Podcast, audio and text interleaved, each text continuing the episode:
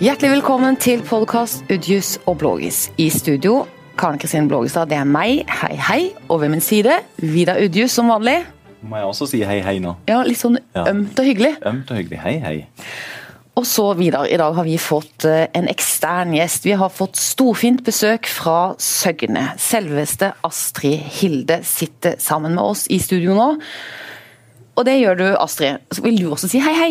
Ja, jeg må si hei til alle lytterne. Så det Ja, er hyggelig å få være her. Tusen Ja. takk. Vær så god. Vi har ønsket å ha deg på besøk i dag, Astrid, fordi at uh, siden sist vi hadde podkast, så har det skjedd mye i Kommune-Norge og i Søgne. For nå er det bestemt at Søgne, Sogndalen og Kristiansand skal slås sammen til en uh, lykkelig kommune. Hva tenker du om det? Eh, Jeg tror det blir en veldig fin kommune. Vi må på en måte innrettes i at det er et flertall på Stortinget nå, og det blir det. Så er spørsmålet om når vi begynner å snakke sammen eller ikke. Men det sittende regjering har flertall for sitt syn, og det blir en ny storkommune. Og da må vi gjøre det beste ut av det. Men når du sier at det blir fint for Søgne, hva begrunner du det med? Hvorfor tenker du at det blir fint for Søgne? Det er noe med at nå er det sånn det er. Og eh, det er jo ikke noe hemmelighet at jeg tidligere også har gått inn for en større kommune. Nå er K3 noe annet enn K5.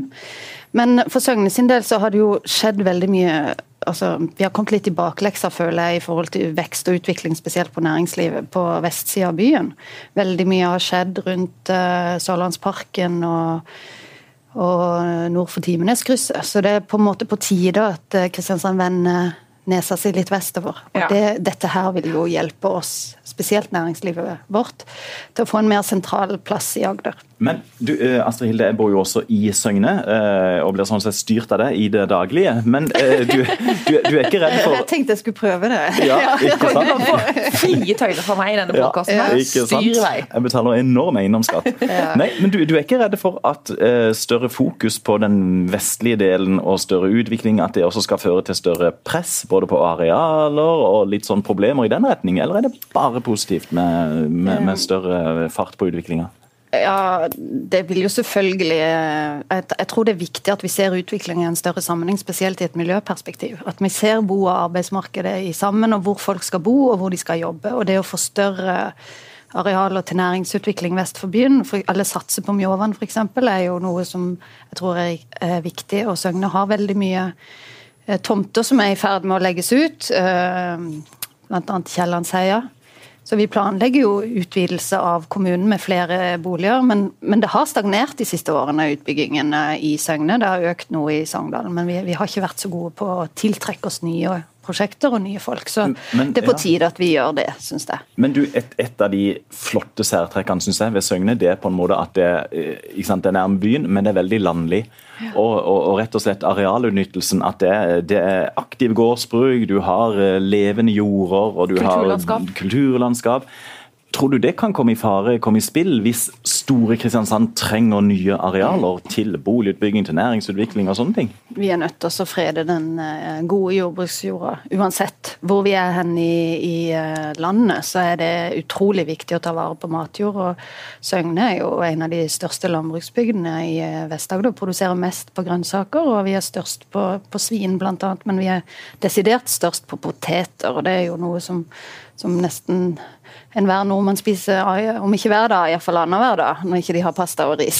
Så, så, så jeg tror jo at vi kommer alltid til å være en landbruksbygd, og det er jorda ligger der den ligger, og der må den være. så Søgne forblir ei bygd. Ja. Søgne forblir ei bygd. Men vi har mange heier. Vi, kan, vi har mye fjell òg, så det er mange plasser man kan bygge. Men eh, det skal fremdeles ha denne gode søgnelukta på våren eh, når det sprer Du skal få bo i en sånn. potetbygd, Ja. Vidar. Ja, men det Til en dødens dag, Når de sprer jordene på nedsida av huset ditt der på, på Åros, der, så skal du ja. fremdeles kunne kjenne den gode Mm. følelsen av å bo på landet. Nydelig. Gjødsel om det våren, det er supert. det møkk. Ja. Du, er det noe du frykter da ved den prosessen dere skal i gang med nå igjen, da, Astrid? Eller hva blir utfordringen, tenker du? Hva kan bli problemområdene? Ja, altså Jeg er litt redd for at nå er vi i en tvangssituasjon. At det er vanskelig å nå gjennom i en forhandling. For nå går folk litt med ryggen inn i Ja, altså Du satt med alle kortene. Det, altså, jeg har jo forhandla ganske mye i den jobben jeg har som advokat eh, sivilt. Og da er det jo alltid det er noe som man kaller for BATNA, altså eh, the best alternative to no agreement. Du kan alltid reise deg fra bordet og gå, og det må du alltid vite. Hvor er det der bruddpunktet hvor du kan gå fra forhandlingene? Og i disse forhandlingene så kan, du ikke. du har på en måte, du må være så god å sitte der. Og det gir et annet forhandlingsutgangspunkt. og Derfor så tenker jeg at eh, vi er fullstendig avhengig av rausheten til Kristiansand, og det jeg opplever at vi får. Men eh, jeg er litt spent på hva vi kan oppnå med dette. For meg så blir det utrolig viktig å bevare f.eks. Eh, legevakta. Hvor stor gjennomslagskraft får vi for det mm. i en tvangssituasjon? Mm. Og Derfor så tenker jeg jo at det er viktig at vi kommer i gang med forhandlingene at ikke vi venter til, til Stortinget har bestemt det. For dette, da har vi iallfall to måneder hvor vi kan mm. reise oss fra bord og gå. Ja. Så det kan jo gi oss en annen situasjon. Men, er, du litt redd for at Sogndalen, som er mer hva skal si, proaktive enn en Søgne her i denne fasen, at Sogndalen og Kristiansand skal sette seg sammen, og så kommer de til en løsning, og så når Søgne omsider kommer på banen, så ja, her er avtalen vi har blitt enige om?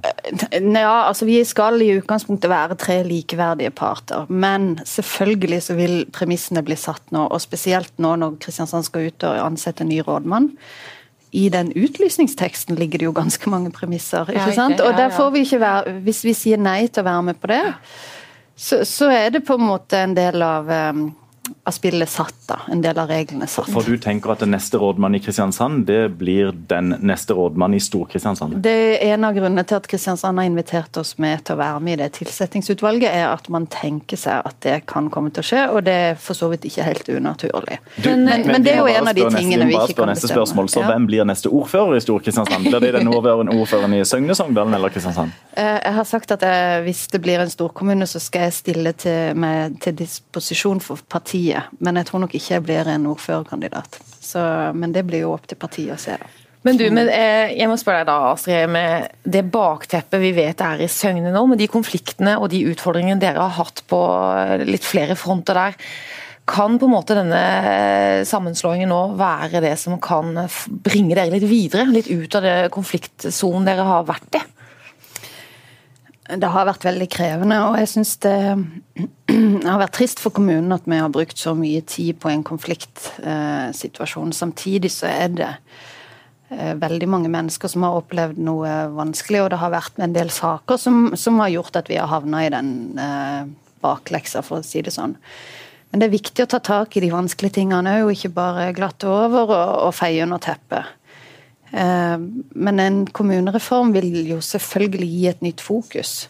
Og så vil det gi muligheter til å kunne rette opp i ting som kanskje har vært kritikkverdig tidligere. Så jeg syns det er positivt å kunne få et nytt fokus og begynne å se litt mer på politikken igjen, istedenfor å på en måte drive og å gjøre rent til krinker og kroker, for å si det sånn. Men, men det, Hvordan vil du beskrive situasjonen i kommunen nå? For dette har jo pågått en, en, prosess, eller flere prosesser i relativt lang tid for på en måte å hva skal han si, klare lufta, rydde opp. Er det på en måte, sånn som du ser det, er det på vei ut av problemene, eller er det fremdeles en krevende situasjon, hvis du skal være ganske generell?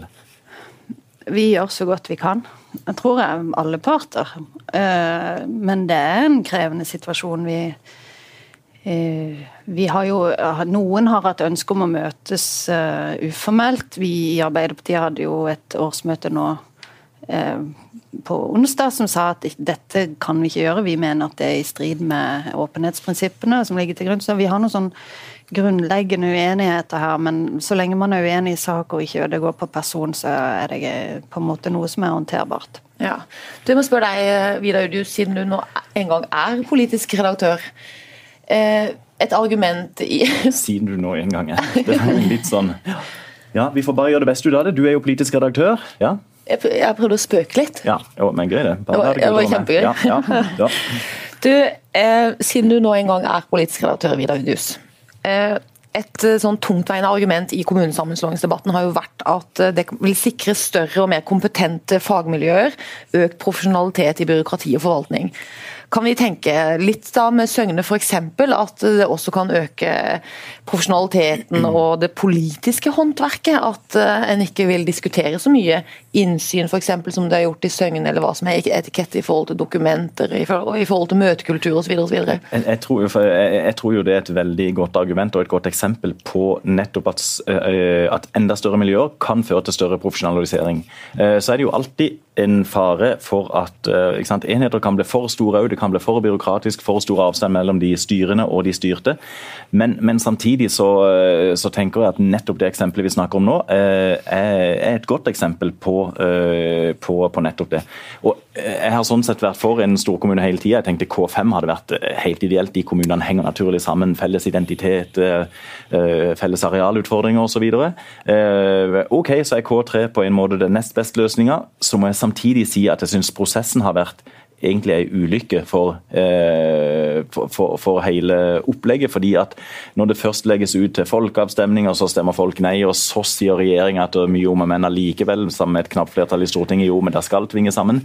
Det blir litt sånn uh, entusiasmen for prosjektet blir litt sånn sugd ut, tenker jeg. Og Astrid Hilde tenker jeg som et eksempel, har vært en som gikk ut på slagmarken og ble stående alene i forhold til særlig eget parti, men også sentrale politikere. Og så får du en tøff valgkamp som ender som man gjør, og allikevel så blir det storkommune. Det, men det siste hadde jeg jo tenkt å spørre Astrid selv om, ikke deg. Jo, ja. men jeg er veldig enig i det. det ja. ja. jeg er veldig enig i det Vidar sier, i den forstand at jeg, jeg syns jo at regjeringa begynte litt feil ennå. Altså, de kunne jo begynt å snakke litt om hva er det som gjør at kommunene må bli større. Hvilke oppgaver er nye, og hva er det vi tenker for oss, at, ser for oss at de skal holde på med.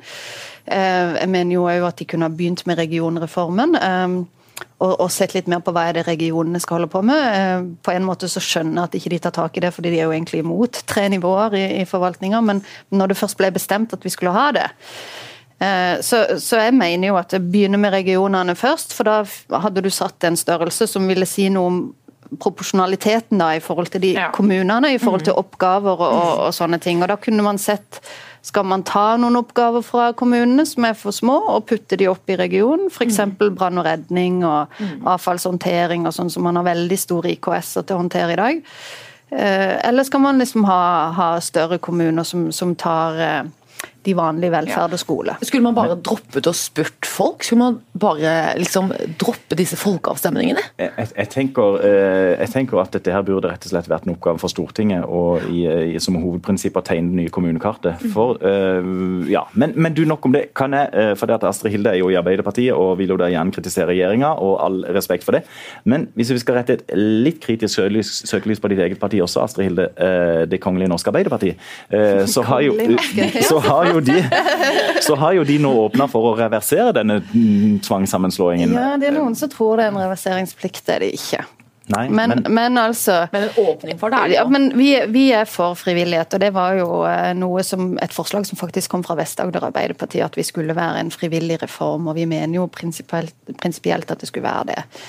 Eh, og, når vi da gikk inn for en full frivillighet, så blir det på en måte litt feil å, ikke i ettertid etterkomme eventuelle ønsker om å reversere. Men det er ingen reverseringsplikt. Og det er jo, for, for det første så forutsetter det jo eh, en, at vi vinner valget. Eh, og det andre er jo at, at, man på en måte får flertall for det vedtaket i, i, Stortinget. At man kan søke om det. Og så må det være en ny behandling i kommunestyret. At man ønsker en reversering. Og da snakker vi eh, iallfall langt ut i eh, neste år, om et år. Og da er det veldig mye vann som er rent i bekken. Så jeg tror jo hvis en skal være realistisk med flere reverseringsforslag, så, så er det noe man sier en mulighet. Men det ligger ingen finansieringsløfter til et reverseringsprosjekt. Det kommer til å bli svindyrt. Mm. Jeg tror rett og slett ikke det blir noe av. Jeg tror tida går forbi. Så de som drømmer om en reversering, tror jeg vi bare kan si at det, det er fine løfter, og det går an. De som har masse penger, kan gjøre det. Eh, kanskje en kraftkommune i, ny og ne, men Søgne har ikke så mye penger, tross alt. Det blir ingen retur til gamle Søgne? Jeg tror at det er veldig usannsynlig. Og så er jo framtida sånn at det er vanskelig å spå. Sånn er det jo for sånn de fleste. Men du, bare sånn for avslutningsvis eh, på ja. dette temaet, Astrid. Vidar er jo så redd for å miste den lukta av gård og bondesamfunn i Søgne. Vil du ha adressen hans, sånn at du kan tipse de som skal gjødsle der til våren? Jeg vet hvor han bor. ja. Sånn er de Søgne. Ordføreren vet hvor innbyggerne bor. Jeg bare si det at Vi er så små at vi vet det meste om hverandre. Det er, bare, det, det er, noe av det som er fordelen med en liten bygd. Ja. Uh, og det må jeg si, altså. Folk uh, dette med kommunesammenslåingen det vekker mange følelser, og ja. veldig mye av det går på identitet og hvem ja. er vi og mm. sånn. Og jeg tror jo egentlig at det meste blir som før. Mm. Men noen ting blir annerledes for mm. noen, og dette med næring er veldig viktig. Men også de som har f.eks. barn med spesielle behov, som er vanskelig å, å gjøre noe med i, i, i forhold til, til, det. Hvis du har en helt spesiell diagnose, skal du få hjelp til det med ditt barn, så er det Krossen skole som har spesialistene på det. Mm. Vi har en veldig bra gruppe på på Nygårdsgruppa, men det blir mer generelt. Og da er det samme med andre. Så, mm. så jeg tror jo at eh, at på mange områder, hvis du har et spesielt behov, så blir det bedre i en stor kommune. Men så er det jo sånn at det, eh, noen syns det er greit at det er lite òg. Ja, og det har med identitet å gjøre. Ja. Eh, da skal du ha veldig lykke til med å føre Søgne videre inn i denne tvangssammenslåingen, og også ta vare på alle innbyggerne inn i de videre prosesser. Også Vidar Udjus, som du vet hvor bor. Som har, ja. Ja, for det hørtes ut som en Og så at jeg visste hvor du bodde. jeg skal komme på besøk. Men du har ikke sånn, du sånn veldig spesielle behov, Vidar. Det er sånn, er du varm og tørr og sånn, så er du stort sett fornøyd. Så er fornøyd. Sånn er menn. Som menn flest. Sånn er menn. Ja. Mett, varm og fornøyd. ja. Eh, vi skal eh, snakke om noe annet, for det har skjedd noe annet veldig eh, gøy og sterkt, kanskje, og overraskende denne uken. Og det er at selveste dyreparksjef Reidar Fuglestad ble ansatt som ny sjef for Sørlands kunstmuseum, og i det den nye silokaia. Kunstsiloen, som det allerede kalles på folkemunne. Og det er jo veldig svært. Det er jo den største jobben eh, i Kristiansand på lenge, lenge, lenge. Og en veldig stor og viktig jobb i Kultur-Norge. Og du sjøl, Karen Blågestad, som er, eh, når du først er kulturredaktør, som vi pleier å si her i introduksjonen, eh, så er det jo ikke vanskelig å lese at du er noe delt. Nei, dette. ja, ikke sant. Jeg ble, som veldig mange andre, eh, i går da nyheten ble kjent, veldig overskrekket, som det heter. Det er en blanding av forskrekka og overrasket. Ja. Jeg er ofte overskrekket. Ja. Jeg blir veldig overskrekket. Jeg hadde tenkt og ventet at det kom en eller annen sånn eh, hotshotter fra det store utland. Eh, jeg tenkte på store nasjonale navn i Kultur-Norge som eh, var i spill, for det har vært kastet opp en del navn i forbindelse med Nasjonalmuseansettelsen. Eh, ønsket meg kanskje litt en sånn høy, mørk, mystisk, pasjonert kunstkjenner, en modig kar fra Barcelona, eller ja, ikke sant, noe sånn aktig, da. Men som også er god til å igangsette og gjennomføre prosjektering, bygg Ja, det er det, ikke sant. Eh, jeg ble, jeg ble, veldig forskrekka, og så ble jeg litt sånn skuffa. For man ønsker seg jo, når man er eh, i et avishus og et mediehus og i en offentlighet, at det kommer flere stemmer inn. Nye, tunge stemmer som kan eh, gi et friskt pust, røske litt opp i gamle forestillinger og gamle premisser osv. At det skulle komme noe litt sånn helt nytt og gøy. Så da ble jeg litt skuffa over det først, men så kjenner jeg jo litt til sånn offisielt da, Reidar Fuglestad, eller sånn gjennom via formelle sammenhenger så jeg har jo snakket med han et par ganger. Og jeg liker jo han, det er en trivelig fyr. Og at han er flink, er det jo ingen tvil om. Og at han er en veldig dedikert mann i forhold til den oppgaven han har. Og Dyreparken er jo en sterk og stabil og bunnsolid merkevare. Klarer han å være like tro mot denne prosjektet som skal i gang på Silokaia, så har jeg faktisk litt troa. Og så sier jo de som har ansatt uh, Fuglestad at de trengte nå en entreprenør. Det var viktig en som kan logistikk og Excel-ark og alt det der. En dur, en med visjoner og Han er jo veldig nei, det, Så nå har jeg egentlig fått litt mer sansen for det. Så jeg begynte å skrive en kommentar. Litt skuffa. Eh, og så ble du glad ble på slutten. Og så I midten så tok det seg opp, og så på slutten var det en gladsak. Ja. Astrid Hilde, hvis du skulle brukt 10% av ordene som eh, Karen Blågestad ja, har brukt, eh, og dermed et normalt uh, lengdemessig innlegg, hva, hva, tenker du? Ja, altså, jeg har lite greie på kunst, så jeg tenker jo at um, det er feil person å spørre, men som en vanlig innbygger, da, hvis jeg kan liksom sette meg i den, så, så tenker jeg at, uh, at, det å være leder er viktig i en sånn stor prosjekt. Nettopp Tired of ads barging into your favorite news podcasts? Good news. Ad-free listening is available on Amazon Music for all the music plus top podcasts included with your Prime membership. Stay up to date on everything newsworthy by downloading the Amazon Music app for free or go to amazon.com slash news ad free. That's amazon.com slash news ad free to catch up on the latest episodes without the ads. Fordi de har noen veldig svære byggeprosjekter, og det er mye penger det er snakk om.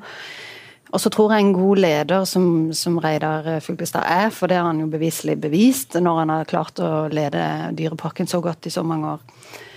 Så en god leder leder seg på sine gode fagfolk. Og Ja, det er ikke alltid de beste fagfolkene er de beste lederne. Og hvis eh, du ville ha noe nytt og spennende, så kanskje det er nettopp dette som er det nye og spennende. At du får en god administrator som kan dette med å lede, og som vet å knytte til seg fagfolk når han innser at han ikke kan noe om det. Og jeg tror jo den, de ledelseserfaringene jeg har, er nettopp denne tverrfagligheten som gjør at man lykkes. Og han har jo bygd Dyreparken til å bli en stor uh, kulturdestinasjon. altså de, de formidler jo masse barnekultur rundt uh, Hakkebakkeskogen. du, hadde jo vært død hvis ikke det var for, Ja, ja. Uh, for Dyreparken, altså. Det er en av de største sceniske arbeidsgiverne i Norge, faktisk. Dyreparken. For eksempel. Så, så han har jo allerede leder i en kulturinstitusjon uten å kunne noe om kultur. Men han kan noe om å skape en, en destinasjon. Og det er jo det man ønsker at vanlige folk som er som egentlig ikke er sånn veldig interessert, skal plutselig bli kjempeinteressert og ha lyst til å gå inn i kunstsiloen og, og være med på sånne ting. Men da må jeg spørre dere to som bor i Søgne, Vidar Udjus og Astrid Hilde. Hva slags nærhet har dere til eh, det kulturtyngdepunktet da som eh, eh, Silokaia skal bli med Kilden, og med det som skal bli kunstsamlingen? Altså, er det et sted dere besøker, det naturlige å reise til? Jeg hører du spør meg et spørsmål, Kane, men jeg blir så fascinert at mobiltelefonen din ringer. og Istedenfor å skru av lyden, så prøver du å holde den langt vekk fra deg sjøl. jeg ble så stressa for hvordan jeg skulle Jeg husker plutselig ikke hvordan jeg skulle slå av telefonen. Nei, ikke sant? Så, så Så ser jeg mange- hvem det er som ringer, så er det en telefon jeg absolutt ikke vil ta nå. Ikke sant? Nei, jeg vet ikke, Hva, hva tenker du Astrid Hilde, om, om akkurat det? Og At vi i, i Søgne altså jeg, jeg bruker Kilden altså mye og mye, men så ofte jeg kan. Jeg syns det er kjempespennende at vi har på en måte de nye mulighetene, spesielt konsert og, og teater og sånn. Men eh, jeg, jeg må bare innrømme jeg går altfor lite i egen by på museer. Men når jeg er ute og reiser, Så gjør så, så ikke går sant? vi på museum. Ja, ja, ja. Og det er derfor jeg tenker at Så rart eh, det er, egentlig. Er ikke ja, det det, er bare er Jo, det er sånn, det. ikke sant, Hvis du reiser til en eller annen byferie, da, så er det jo ja, må du på det museet, det museet, det museet. Men jeg går jo aldri eller mer eller mindre i egen by. Tenk så mye vi hadde gått i kirker i Norge da, hvis vi hadde gått like mye i kirker i Norge som vi gjør i utlandet. Og så og så er det jo noe med det at eh, en litt sånn lakmustest på hvor stort dette kommer til å bli, er jo også Si du får besøk av venner, eh, slekt fra andre byer fra et annet land. Du tar de med til Kristiansand, og så vil du gjerne vise de tre ting. Hva tar du de med på da, Astrid? Ja, det er jo Kilden en av de, da. Og så Silokaia Ja, som hvis kommer. du da er like i, like i nærheten. Men du Ja. jo, jeg hadde jo tatt de med ut til Ny-Hellesund, selvfølgelig. Jeg er ute i båt og vist de det. ikke sant? Altså, Hellesund er det der, ja. de der gamle Hvor fiskebuene oppi. hvor mange Holmer og skjær er det i Søgne sin skjærgård? Karen Kristin Blågestad fra Arendal. Nei, Jeg vet, jeg vet ikke. Husker du det, Astrid? Vi er over 100, er vi ikke det? 1208. Ja, ja, Ja, det ja, ganske fantastisk. Jeg har jo vært så heldig å være, å vært eh, kjørt rundt i din skjærgårdsskip i Søgne-skjærgården, Vidar. Eller vil si, det var ikke du som kjørte, det var konen din som kjørte. Rett og Mens du satt sånn rolig, rolig, rolig, rolig, rolig nå. rolig. Du satt sånn hele tiden. Men du er helt er enig. Og og, hva- hvilke tre um, severdigheter, objekter, ville du tatt med besøkende til Karen til Kristiansand? Nei, når Silokaia står der, så blir det en nordisk eh, destinasjon. Det blir et kjempestort Og to eh, andre? To andre. Eh, Kildene syns jeg er gøy. Og, Og- nummer tre? Var det i Kristiansand? Ja. Ja, nei, Da tenker jeg at Dyreparken kunne vært eh, også en issue. da, altså. Det kommer litt an på hva slags besøk eh, det hadde vært. Vi, vi, har, vi har noen danske venner som da Første gang de kom til oss, så skulle vi ta de med rundt. Og det som gjorde desidert størst inntrykk, det var Posebyen. Det var Posebyen, ja. Enormt fascinert av den. Og vi gikk opp og ned, kryss og tvers kvartaler, ja. og kikka på hvite trehus og idyller. De var helt uh, Ja, nå har, kommer jeg fra Tyholmen i Arendal, da, eller kan det, så jeg er jo ikke så veldig Jeg får ikke akkurat gåsehud av å gå gjennom Bosyn. Men nettopp derfor at vi lager en ny kulturdestinasjon, så tror jeg nettopp at Reidar Fuglestad er rett person. Fordi at han kan det med, med reiseliv og markedsføring av destinasjoner. Men du, vi har jo fått, altså Nå reageres det og diskuteres lønnen hans litt, da, fordi at han skal få en ganske solid lønn for jobben han skal gjøre. Han får til sammen to millioner 900 Nei, åssen blir det? To? 2,950, er det det? ja. Det var for mange tall på rekke og sånt. det, blir, det er vanskelig å telle alle nullene. Men det er ja, også, i, i underkant av tre millioner. Så er, Rett i underkant av tre millioner. Og så er det en del fra SKMU, og så er det noe ekstra da, som man får fra Tangen. Tellef Inge Mørland, eh, din partikollega fra Aust-Agder fylkeskommune reagerer eh, negativt på den lønnen, for de støtter jo da Sørlandets kunstmuseum med, med betydelig beløp for en fylkeskommune. da. Aust-Agder fylkeskommune støtter altså dette med 1,2 millioner årlig, som er det offentlige tilskuddet til uh, Fuglestads nye lønn. Ja, har du sett, ikke sant? Mm. Så Aust-Agder, det er vi som lønner Fuglestad. Rett og slett. Men hva, hva tenker du om Hvor mye var det vi ga i, i offentlig støtte, sa du? 1,2. 1,2. Mm. Og sånn sett så er jo hvis 1,2 hadde Hvis det ikke hadde vært noe annet enn statlig støtte, så var det det han hadde fått. Og det, nei, altså hva jeg syns om lønn? Jeg syns jo generelt sett at eh, spesielt statlige, om dette her er en statlig eller kommunale lønninger, bør være moderate. Mm. Definer moderat. Nei, maks, eh, ja, moderat nei jeg syns ikke det er så lett å sette noen maksgrense. For det er også viktig å ha gode, gode folk i stillingen, og det er kanskje det viktigste. Men jeg syns jo noen ganger man oppvurdere sin egen betydning i forhold til at jeg fortjener dette. Og hva er det man sammenligner seg med, egentlig? Og jeg tror at det å, å ha en um, ha en sånn rimelig god jording til hvordan vanlige folk har det, og ikke ha liksom de for store forskjellene. Samtidig så tenker jeg at det, det er en sånn dilemma. Eh, men jeg synes jo, jeg lurer på om det var Olav Thon som hadde en sånn tak for hva hans eh, ledere skulle ha for noen år siden, som jeg leste om. At de skulle bare ha to millioner, ikke noe mer enn det. De var, ingen var mer verd mer enn det. Hvis de fikk mer penger enn det, så ble de for opptatt av å forvalte sin egen, eh, ja, sin egen lønn istedenfor å gjøre en god jobb. Ja. Så på et eller annet tidspunkt så tjener du for mye, så blir du mer opptatt av hvordan du plasserer pengene dine i aksjer, ja, og hvordan du gjør det på privaten, mm. enn å gjøre en veldig god jobb. Mm. Men, men, men, jeg tror jo sånn som veldig mange politikere, ingen man har en drive i å ha lyst til å gjøre en jo, det, jobben man, det er jobben som gjør at du vil gjøre det. Det, det, mm. altså, det er i alle fall ikke lønna som gjør at jeg er ordfører, for å si det mm. sånn. Det er det ikke. Men, men man ønsker å ha et engasjement og ønsker å gjøre en best mulig jobb. Mm. Men samtidig så er det sånn at du kan jo ikke gå ned veldig mye i lønn. Det kan man ikke forvente. Da, da, får du ikke de menneskene. Så markedet styrer litt. Mm. Men så må vi sette, som vi ellers gjør i vanlig, mm. som Arbeiderpartiet er kjent for, sette noen grenser. Ja. Så det kan vi gjøre. Stoppe ting litt opp, sette bremsene på. Men jeg må jo si da som kultur kulturredaktør, siden jeg nå en gang er det, Vidar Udius, ja.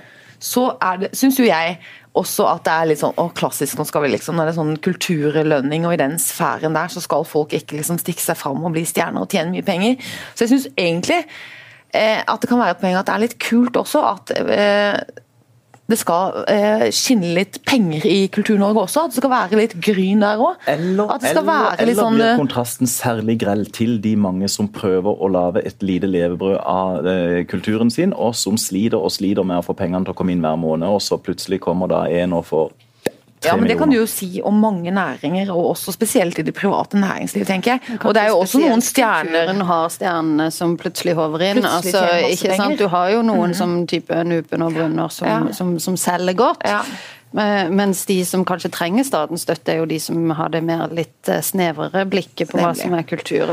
Der, men, men altså, konkurranse og, og, markedskrefter er jo ja. rettferdige. Sånn er det bare. Sånn er det. Og vi må bare prøve som politikere å demme opp for den urettferdige følelsen. Mm. Og da er det mm. noe med å ikke ha en lønn som er så høy at det oppleves feil. At det blir demoraliserende. Ja. Men samtidig så syns jeg akkurat om denne kulturlønnen her at det er litt gøy at kulturledere også skal lønnes litt sånn kraftig. Eh, Men jeg tror lønnen hans reflekterer at han er en god leder, ikke nødvendigvis at det er en kulturlønning. Eh, hvis ja. det hadde vært en ja, annen person, så er ikke sikkert lønnen hadde vært så høy. Eh, men, men, skal du ha en god næringslivsleder, mm. som det tross alt er vi trenger, så er det på en måte kanskje der markedet ligger. Mm. Uh, og så kan en jo diskutere hva skal til for å, mm. for å ikke få han da. Da tror jeg kanskje ikke vi skal snakke så mye mer om lønna til eh, Fuglestad, men vi skal følge litt med på det. Og så skal vi i hvert fall åpne opp for en diskusjon om det, for diskutabelt er det jo selvfølgelig lønningsnivået. Helt på tampen av denne podkasten så må vi innom kongehuset, for det var, eh, er jo to 80-åringer eh, i vårt kongehus nå. Og standingen deres er jo veldig høy. Jeg leste, mener jeg, i forrige uke i forbindelse med den første 80-årsdagen til kong Harald at 80 eh, er monarkister. 80... Eh, det, det, stiger med 1% hvert år, så nå var det 80% så nå var... Ja, men jeg mener det var virkelig Eller litt over 80 ja. tror jeg det var. Mm. En veldig sånn solid forankring altså i, i, Norge, kongehuset. Og siden det jo er, har en liten link til Kristiansand og vår region, så må vi jo diskutere det. Og Astrid Margrethe Hilde, dine foreldre var jo litt skuffa da du ble jente. Fortell om det. Ja, altså Jeg har blitt fortalt da at hvis jeg hadde blitt gutt, så skulle jeg nok hett Harald. Eh, men så ble det jo eh, jente, og da var jo Astrid altså, også kongelig navn, og Margrethe etter dronninga i, i, Danmark. Og så har jeg jo besteforeldre altså på farmor og mormor med A og M som bokstaver, så da var det liksom oppkallinga var ja. det, er ganske, det er høye ambisjoner som ligger i navnet ditt. Jo, men jeg tror altså det betydde veldig mye da. ikke sant? Min mor er født i 45 og vokste opp um, under min eh, bestefar var en av gutta på skauen, og det var på en måte det med kongehuset betydde utrolig mye for dem. Ja. Og I tillegg så har vi jo uh, Jeg har bodd mye i utlandet i oppveksten. Mine foreldre var misjonærer, og det hva kongehuset betyr for nordmenn i utlandet, det har vi på en måte følt litt på sjøl. Og jeg har hilst på de sjøl når jeg var eh, kanskje, jeg tror jeg var åtte år eller noe sånt.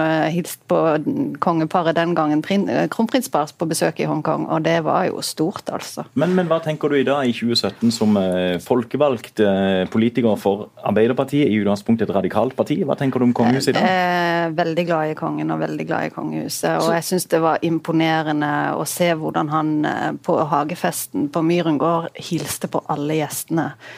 Eh, og var til stede når han tok det i hånda, og den varmen som jeg syns både han og dronningen eh, har når de møter mennesker sånn oppriktig. Hvor, hvor, hvor og det betyr der, mye for mennesker å treffe dem. Det var det som jeg, jeg ser ja. hvor mye det betyr. Mm.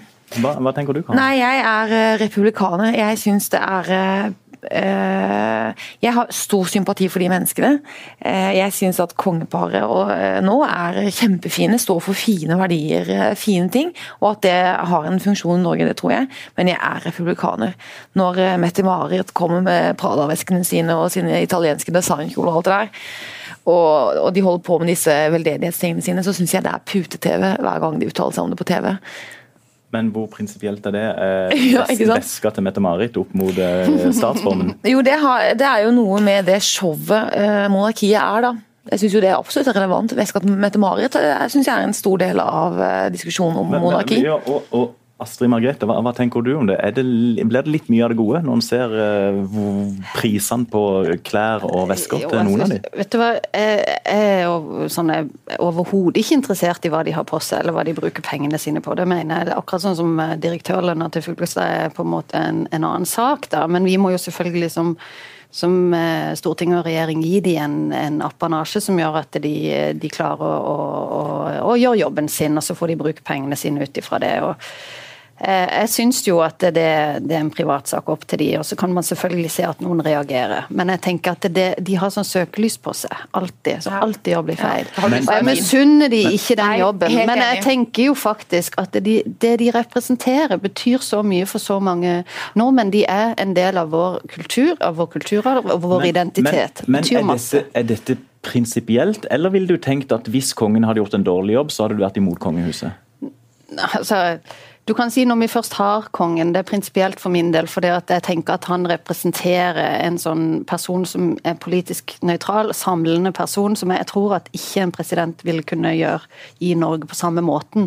Samtidig så er det et lite paradoks, for det er kanskje det eneste mennesket som ikke har religionsfrihet i Norge. ikke sant? Han er nødt til å være mm. kristen, og det er han jo heldigvis det. Men, eh, men altså, det, det, er jo en del ting, og, og, og, du fratar de stemmeretten, og det er en del ting som, som er menneskerettigheter som kongeparet rett og slett ikke har. Nei, de er født privatlivet. Måte, Ja, ja mm. men da er det på en måte en pris rundt det. Ja. Men, så, så det, det, er et dilemma rundt det, men jeg mener at det å ha en familie som på en måte står for kontinuiteten, mm. eh, og måten de har gjort det på, gjør, og det øyeblikket eh, monarkiet ikke er festa i folket, så vil du ikke ha det. Men så lenge det er der, så mener jeg at når folket vil ha det, så er det riktig.